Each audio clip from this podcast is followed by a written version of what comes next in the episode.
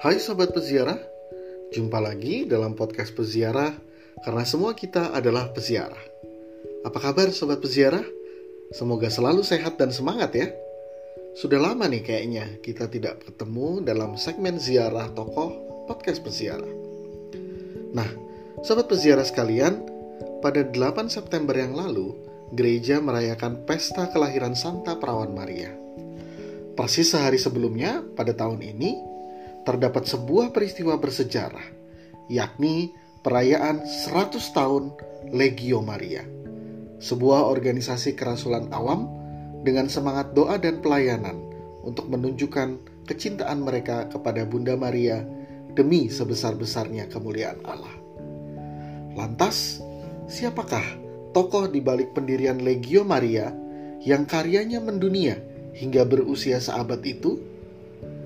Dan bagaimana perjuangannya mendirikan dan membesarkan Legio Maria. Serta mungkin menarik untuk mengulik juga kenapa sih alasan dibalik penamaan Legio Maria itu. Mari kita ziarahi profil sosok pendiri Legio Maria dalam segmen ziarah tokoh podcast peziarah kali ini. Francis Michael Duff atau lebih dikenal sebagai Frank Duff. Demikian nama sosok pendiri Legio Maria. Ia lahir di Dublin, Irlandia pada 7 Juni 1889 sebagai sulung dari tujuh bersaudara. Ayahnya, John Duff, adalah seorang aparatur sipil negara Britania yang menikah dengan Susan Letitia Freehill Sosok Susan ini adalah sosok yang istimewa karena ia adalah angkatan pertama perempuan yang bergabung dalam aparatur sipil Britania. Meski demikian, Susan kemudian meninggalkan pelayanannya itu setelah ia menikah. Frank Duff bersekolah di sekolah Yesuit Belvedere dan kemudian di sekolah Black Rock yang dikelola oleh para imam dari kongregasi Roh Kudus. Selama bersekolah di Black Rock, Frank tumbuh sebagai seorang sosok remaja yang ramping yang dan kuat dengan tinggi lebih dari 167 cm dan menonjol dalam berbagai jenis olahraga seperti tenis, lari, renang, dan kriket. Ia juga adalah sosok siswa yang berprestasi, yang meraih nilai-nilai yang tinggi di semua mata pelajaran. Hingga suatu saat, ia bahkan menerima peringkat pertama penghargaan Black Rock dalam bidang bahasa Gaelic yang didambakan oleh semua siswa. Setelah lulus, pada umur 18 tahun ia mengikuti jejak ayahnya untuk menjadi pegawai negeri sipil. Tidak lama sesudahnya ayahnya jatuh sakit hingga ia pun menjadi tulang punggung keluarga utama karena ayahnya terpaksa pensiun. Frank adalah seorang sosok yang disiplin, cerdas, tajam, serta humoris. Ia memiliki potensi sebagai pria yang mampu berprestasi dalam pelayanan publik. Ia juga dikenal sebagai jagoan matematika. Sejak masa mudanya, Frank Duff merupakan seorang Katolik yang saleh. Ia menjalankan 10 perintah Allah, hadir misa secara teratur, setiap hari selalu mengunjungi sakramen Maha Kudus dan berdoa rosario, dan ia pun berdevosi kepada Bunda Maria. Meskipun begitu, ternyata ia tidak memiliki pemahaman yang memadai tentang dasar-dasar devosi kepada Bunda Maria, dan juga tidak sungguh-sungguh mempunyai perhatian dan minat terhadap peran Maria dalam rencana penyelamatan Allah. Peziarahan hidupnya pun membawanya untuk berkenalan dengan sebuah organisasi bernama Serikat Santo Vincentius de Paul atau SSV. Ia bergabung dengan organisasi ini pada usia 25 tahun. SSV adalah sebuah kelompok awam Katolik yang didirikan oleh Frederick Ozanam pada 1833 yang berkarya untuk melayani kaum papa. Bersama SSV Himpunan Bunda Maria dari Gunung Karmel, Frank kemudian mengunjungi orang-orang Malang yang menghuni rumah-rumah petak di kota Dublin. Di SSV, ia kemudian menjadi sekretaris himpunan dan beberapa tahun kemudian menjadi ketua himpunan Santo Patrick. Pada tahun 1918, Frank menemukan buku Bakti Sejati karya Santo Louis Marie de Montfort yang baginya tahun itu kemudian disebutnya sebagai tahun rahmat Allah. Dengan semakin banyaknya anggota SSV, diputuskanlah untuk membagi dua, dan salah satu kelompoknya bermarkas di Myra House dengan ketuanya adalah Frank Duff. Pastor paroki setempat, yaitu Pastor Michael Toher, ikut bergabung dalam kelompok itu. Dalam kelompoknya, Frank Duff selalu menyertakan pembahasan buku bakti sejati dalam setiap pertemuan bulanan SSV dan para anggotanya terlibat dalam diskusi yang hangat dan antusias. Dalam pertemuan SSV berikutnya, seorang anggota memberikan laporan yang menarik tentang kunjungannya di rumah sakit Dublin. Pada saat itu, tugas kunjungan ke rumah sakit itu hanya dilakukan oleh laki-laki. Sesudah pertemuan itu, dua wanita mendekati Frank Duff dan Pastor Michael Toher untuk menanyakan apakah wanita juga boleh mengambil bagian dalam kunjungan ke rumah sakit. Permintaan para wanita itu mendapat restu dari Frank Duff dan Michael Toher. Dan keduanya kemudian meminta supaya mereka mengajak pula beberapa perempuan lainnya untuk bergabung. Mereka pun berjanji untuk bertemu dan membahas kegiatan bersama uh, pada tanggal 7 September jam 8 malam. Pada waktu yang telah ditentukan, yakni 7 September jam 8 malam, berkumpullah sekitar 15 orang perempuan yang mayoritas adalah gadis-gadis muda. Mereka juga datang bersama dengan Pastor Michael Toher dan Frank Duff. Meskipun begitu, tidak seorang pun yang sadar bahwa pada hari itu adalah malam menjelang pesta kelahiran Santa Perawan Maria – Inilah peristiwa bersejarah yang menjadi penanda lahirnya Legio Maria. Yang menarik pula dalam peristiwa bersejarah itu adalah ketika Frank masuk ke dalam ruangan, ia terpesona dengan penataan ruang pertemuan. Di atas meja terdapat patung Bunda Maria tak bernoda dengan dua pot bunga dan dua lilin bernyala. Sama persis dengan penataan altar setiap pertemuan Legio Maria hingga hari ini. Yang mengagumkan, penataan ruangan itu ternyata tidak dibahas sebelumnya. Ini hanyalah inisiatif dari seorang peserta baru. Dalam pertemuan itu, sebagaimana yang dilakukan dalam pertemuan SSV, Frank dan Pastor Michael Toher mengajak para gadis dan ibu berdoa rosario dan membahas tugas berikutnya yang dilanjutkan dengan nasihat spiritual singkat dari Pastor Michael Toher. Mereka pun sepakat untuk memberikan laporan pelaksanaan tugas masing-masing dalam pertemuan minggu berikutnya. Alur pertemuan itu kemudian menjadi bibit dan pola bagi ratusan ribu bahkan jutaan pertemuan serupa yang diadakan kemudian di semua benua hingga Legio Maria berusia seabad hari ini. Dalam pertemuan sederhana yang dilakukan perdana itu, mereka sepakat untuk menyebut diri mereka sebagai Asosiasi Bunda Belas Kasih. Dengan Nyonya Elizabeth Kirwan yang adalah anggota senior dalam pertemuan itu sebagai ketua mereka. Pada perkembangannya, asosiasi ini ternyata tumbuh dengan lambat. Kelompok kedua akhirnya terbentuk sebagai jawaban atas permintaan Pastor Michael Creedon, seorang imam di Dublin, untuk mengatasi pelacuran sebagai salah satu masalah kronis di kota Dublin. Ternyata upaya ini cukup berhasil. Hingga sekitar empat tahun setelah pendiriannya, asosiasi ini baru memiliki empat memiliki lima atau enam cabang di Dublin.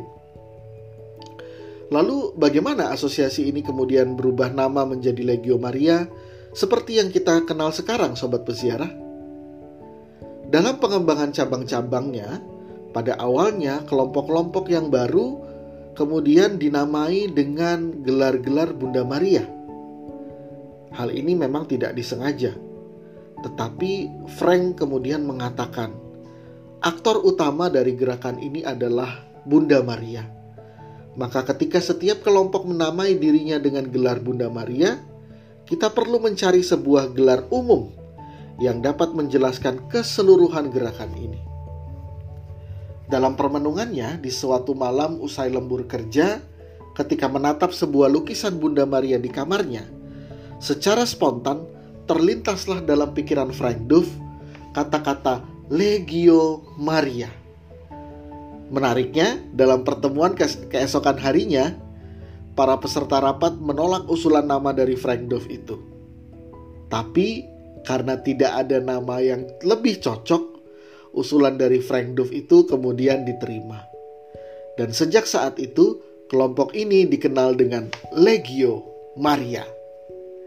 Mengapa Legio Maria? Sebagai pecinta berat Legio tentara Romawi sejak di bangku sekolah, Frank melihat Legio Maria ini sebagai bala tentara rohani yang aktif dan giat mendirikan kerajaan Allah di seluruh dunia. Legio Maria adalah bala tentara Bunda Maria yang menggantikan persenjataan mengerikan tentara Romawi dahulu dengan pedang roh, yakni sabda Allah dan karya-karya kerasulan. Para legioner seharusnya bercita-cita membuat diri mereka layak bagi ratu surgawi mereka dengan kesetiaan, kebajikan, serta keberanian mereka. Dengan menggunakan istilah Legio Maria ini, Akhirnya struktur organisasi mereka dan juga penamaan dari tingkatan anggotanya diatur seturut model tentara Romawi.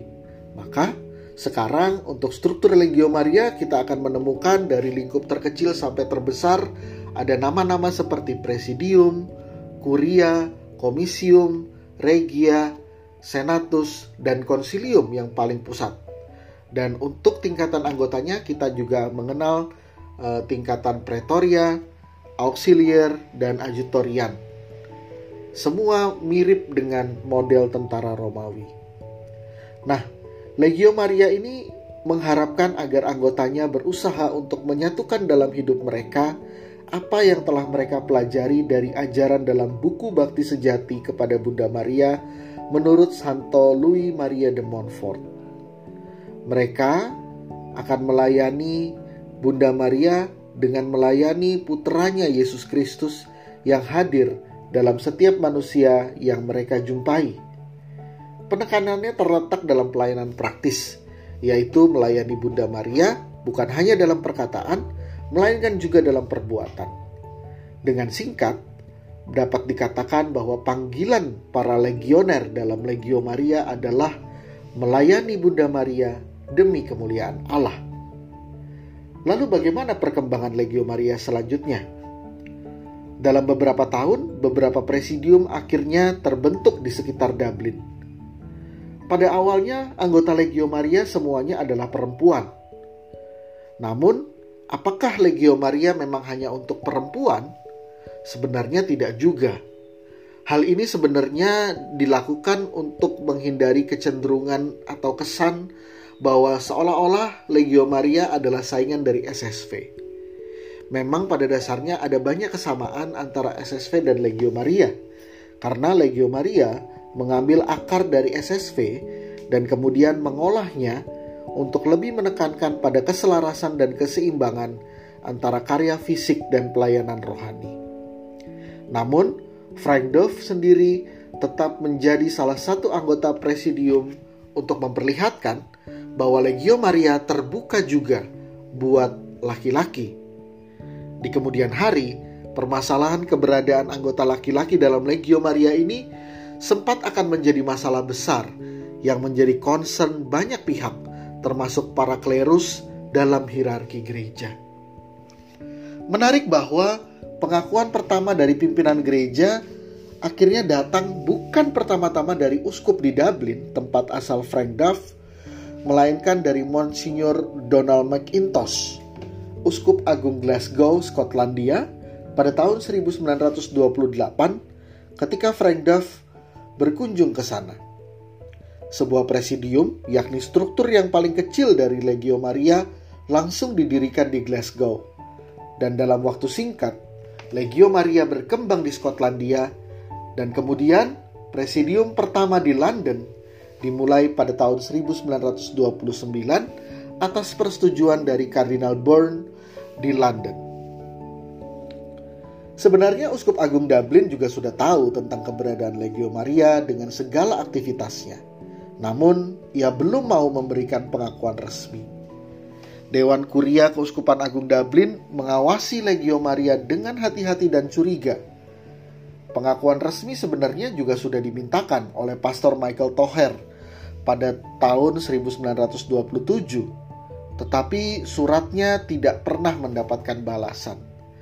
Bahkan Pastor Michael Toher dan Pastor, Pastor Michael Creedon yang terlibat dalam Legio Maria kemudian dipindahkan ke paroki-paroki yang jauh dari kegiatan Legio Maria. Kuria Keuskupan Agung Dublin bahkan berencana meniadakan dukungan kaum klerus bagi gerakan ini dan berencana untuk menutup karya pemulihan para pelacur dari Legio Maria. Majalah empat bulanan Legio Maria pun dilarang untuk terbit. Dalam sebuah diskusi yang diprakarsai oleh para vikaris Keuskupan Agung Dublin, Frank Duff bahkan dicap sebagai seseorang yang anti klerikal dan dikritik bahaya partisipasi para pria dalam Legio Maria.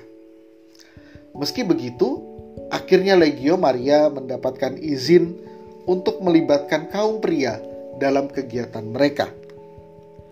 Tantangan ternyata tidak hanya muncul dari uh, hierarki gereja tempat asal Frank Duff, tetapi juga dari para petinggi Ordo Yesuit Irlandia yang sempat melarang para imam Yesuit untuk melayani sebagai pembimbing rohani Legio dan memberikan penolakan atas kehadiran Legio Maria.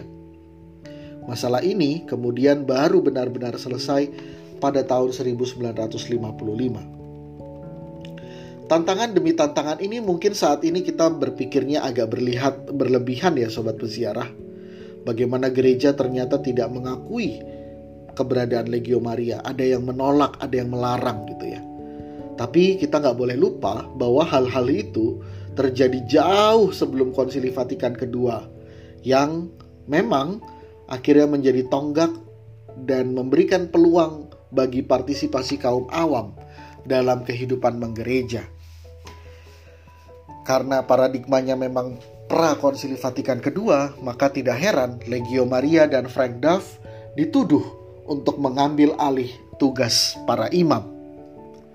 Meskipun demikian, ternyata ada beberapa sosok penting yang bersimpati dan mendukung Frank Duff dan karya-karyanya. Jelang akhir tahun 1930, seorang wakil paus, Kardinal Marchetti Selvagiani, mengundang Frank Duff ke Roma untuk menjelaskan tentang Legio Maria. Meski sempat mendapatkan penolakan, Frank Duff ternyata didukung pula oleh Uskup Agung Pascal Robinson, seorang Fransiskan berkebangsaan Amerika Serikat yang ketika itu menjadi duta besar kepausan untuk Irlandia.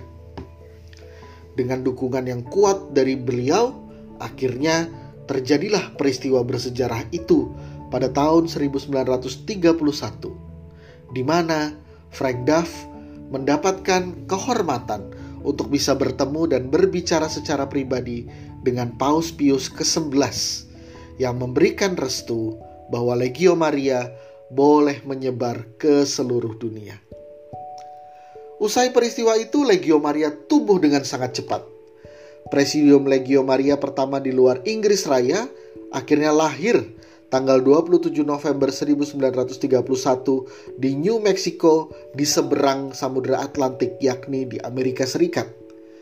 Setahun sesudahnya, para uskup dan imam dari berbagai negara menghadiri Kongres Internasional tentang Ekaristi di Dublin.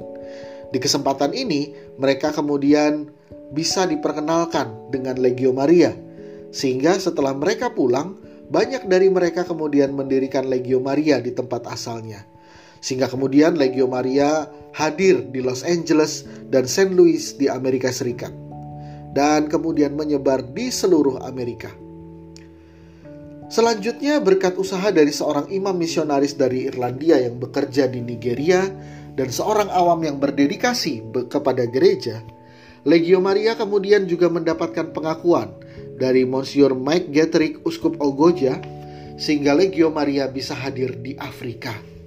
Presidium, presidium pertama di Nigeria lahir tanggal 7 September 1933. Tentang karya Legio Maria di Afrika ini, patutlah kita mengingat pula salah satu tokoh terkenal yang dimiliki Legio Maria yakni Edel Queen. Seorang gadis muda yang dikirim oleh konsilium untuk menjadi misionaris awam perempuan di Afrika untuk memenuhi permintaan Monsignor Heverman, uskup di Zanzibar, Afrika Timur.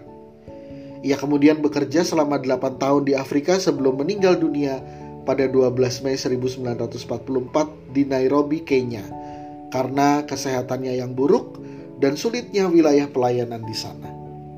Namun dalam 8 tahun karyanya, Edel Queen telah menjelajah ribuan kilometer untuk menyebarkan Legio Maria di Uganda, di Kenya, Afrika Selatan, Kepulauan Mauritius, Danau Victoria. Edel Queen kemudian menjadi martir pertama Legio Maria. Ya, ia kini telah bergelar venerabilis, sebuah tahapan di bawah beata dalam proses pergelaran kudus dalam gereja. Selain Queen, tercatat pula terdapat sekitar 3.000 orang legioner di Tiongkok yang juga menjadi martir karena mendapatkan hukuman mati oleh pemerintah komunis karena mereka dituduh akan menghancurkan negara sebagai kaki tangan asing. Per tahun 1947, sobat peziarah, sekitar 550 uskup dari seluruh dunia telah mengizinkan kehadiran Legio Maria di keuskupan mereka masing-masing. Luar biasa ya. Meskipun begitu, sikap Dewan Kuria Keuskupan Agung Dublin tetap sama. Mereka tetap berhati-hati dan curiga. Tahun 1953, Konsilium, pimpinan pusat Legio Maria, kemudian mengirim utusan untuk menyebarkan Legio Maria di Amerika Latin. Mereka kemudian berkeliling dan menyebarkan Legio Maria di Kolombia, Ekuador, Brazil, Argentina, dan lain sebagainya. Tidak terhitung kemudian jumlah uskup Amerika Latin yang memberikan dukungan, pengakuan, dan penghargaan yang tinggi atas karya Tuhan melalui para misionaris awam yang tergabung dalam Legio Maria. Di Asia, berkat orang-orang Filipina di Amerika Serikat yang bergabung dalam Legio Maria, gerakan ini pun tiba di Filipina. Bahkan, Uskup Agung Manila di kemudian hari, Monsignor Odo Garti, mengakui bahwa Legio Maria telah menghidupkan kembali semangat beriman dari umat Katolik Filipina. Legio Maria berkembang di seluruh pelosok dunia dan dibawa oleh para duta Legio yang dinamakan sebagai envoy. Sebagai contoh, masuknya Legio Maria ke Indonesia misalnya adalah berkat envoy Miss Teresia Shu melalui kota Medan pada tahun 1951. Kemudian, Pater Paul Jansen CM pada tahun 1952 mulai mendirikan Legio Maria di Pulau Jawa secara khusus di Kediri, Surabaya, dan Malang. Menarik untuk kita ketahui bahwa Frank Duff memiliki pemahaman yang sangat kuat tentang pemahaman kerasulan awam dan imamat. Ia dapat membedakan perbedaan mendasar atas keduanya dan juga tidak mengerdilkan masing-masing. Ia pun tidak membiarkan rasa sakit hatinya yang terjadi karena peristiwa-peristiwa tantangan demi tantangan tadi untuk menghalangi pemahaman mendasar akan sinergi antara kerasulan awam dan imamat. Puncaknya tentu saja terjadi pada Konsili Vatikan kedua. Meski sempat dihalangi dan diulur-ulur oleh para pejabat gereja, Sri Paus Paus Santo Paulus ke-6 akhirnya mengundang Frank Duff untuk hadir dalam konsili Vatikan kedua. Situasi yang dramatis terjadi ketika itu. Si Masyur yang absen, Frank Duff, akhirnya tiba pada September 1965 dan mengambil tempat duduk di antara para utusan dan pengamat konsili Vatikan kedua yang berkumpul di Basilika Santo Petrus, Roma. Dua tahun lamanya ia menanti momen ini Menyadari kehadirannya, Kardinal Hinan dari Britania Raya menyela pidatonya untuk memberitahu kepada 2.500 orang patriark, kardinal, uskup agung, uskup, abbas, dan para jenderal ordo religius yang berkumpul pada sesi keempat konsili bahwa Frank Duff, pendiri Legio Maria, hadir sebagai peserta dalam konsili Vatikan kedua ini.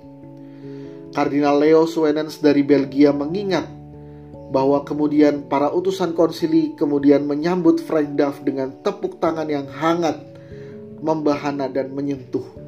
Dan itu menjadi kehadiran kejadian yang tidak terlupakan. Kehadiran Frank Duff memang terjadi karena banyak para utusan mempertanyakan kenapa Frank Duff, pemimpin salah satu gerakan awam gereja terbesar, dan paling ampuh ketika itu tidak diundang bersama para pengamat awam lainnya. Duff kemudian akhirnya dapat hadir dan menerima penghormatan yang diberikan dirinya kepada dari para utusan yang tentu saja bukan merupakan penghormatan untuk dirinya, melainkan untuk ratusan ribu atau bahkan jutaan rasul awam yang ia wakili. Tepuk tangan yang membahana, hangat, dan menyentuh itu telah didapat dengan susah payah. Namun, keberhasilan yang ia rasakan sepadan dengan kesulitan yang ia hadapi. Terhadap Legio Maria, Paus Santo Paulus ke-6 juga memberikan apresiasinya. Justru karena Legio Maria paham bagaimana mengkaryakan orang-orang kecil Situasi ini terjadi di Filipina dan di berbagai tempat lain, yang mana Legio Maria mampu menggerakkan umat Katolik yang biasa-biasa saja, bahkan buta huruf, untuk berkarya bagi gereja. Bagi para legioner, tentu bakti sejati kepada Bunda Maria dipahami sebagai pemberian diri sepenuhnya kepada perawan terkudus, hingga kita sepenuhnya menjadi milik Yesus Kristus sehingga semua tindakan kita dilakukan dengan Maria, dalam Maria, oleh Maria, untuk Maria, bagi kemuliaan dan kesempurnaan semuanya, dengan Yesus, dalam Yesus, oleh Yesus, dan untuk Yesus, Sang Tujuan akhir. Legio adalah tentara Maria yang dikandung tanpa noda perantara segala rahmat.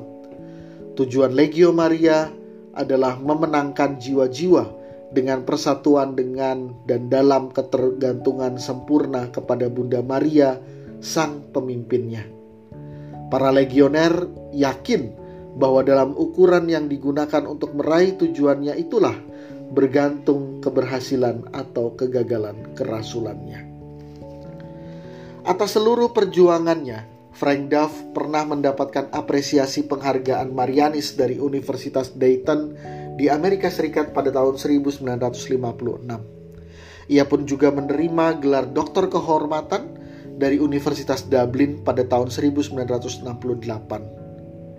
Akhirnya kita mengetahui bahwa hubungannya dengan Kuria Keuskupan Agung Dublin menjadi pulih. Pada tahun 1978, Paus Santo Yohanes Paulus II yang baru saja terpilih mengundangnya hadir ke Vatikan untuk berjumpa secara pribadi. Frank Duff berkesempatan untuk hadir dalam misa di kapel pribadi Paus, bersarapan dengan beliau, dan sesudahnya pulang dengan jaminan bahwa Legio Maria mendapatkan dukungan tanpa batas dari Bapa Suci. Meski menjadi tokoh sentral dalam pendirian dan pengembangan Legio Maria, Frank Duff pernah berujar, "Sejak saat pertamanya Legio berada di tangan Maria, maka kematianku tidak akan menghilangkannya." Ucapannya itu terjadi pada tahun sekitar tahun 1980 dan menjadi salah satu ucapan yang begitu dalam, bermakna yang terakhir sebelum ia berpulang pada 7 November 1980 di rumah de Montfort dengan kedua tangan terlipat sambil menatap patung hati kudus Yesus. Kini Frank Duff telah diakui gereja sebagai servant of God, hamba Allah, tahapan perdana dalam proses pergelaran kudus dan ia diakui juga sebagai salah satu orang Katolik terbesar dari abad ke-20. servant of God Frank Duff, pendiri Legio Maria, doakanlah kami semua yang masih berziarah di dunia ini. Amin.